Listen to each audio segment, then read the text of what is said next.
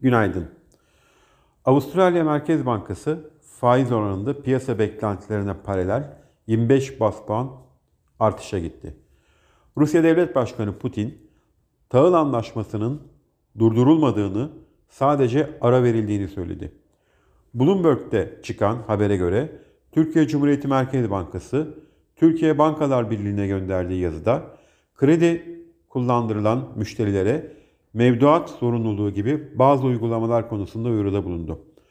BOTAŞ internet sitesinde Kasım ayına ilişkin yayınlanan doğalgaz tarife tablosuna göre mesken, sanayi ve elektrik üretimi amaçlı abonelerin tarifelerinde bir değişiklik yapılmadı.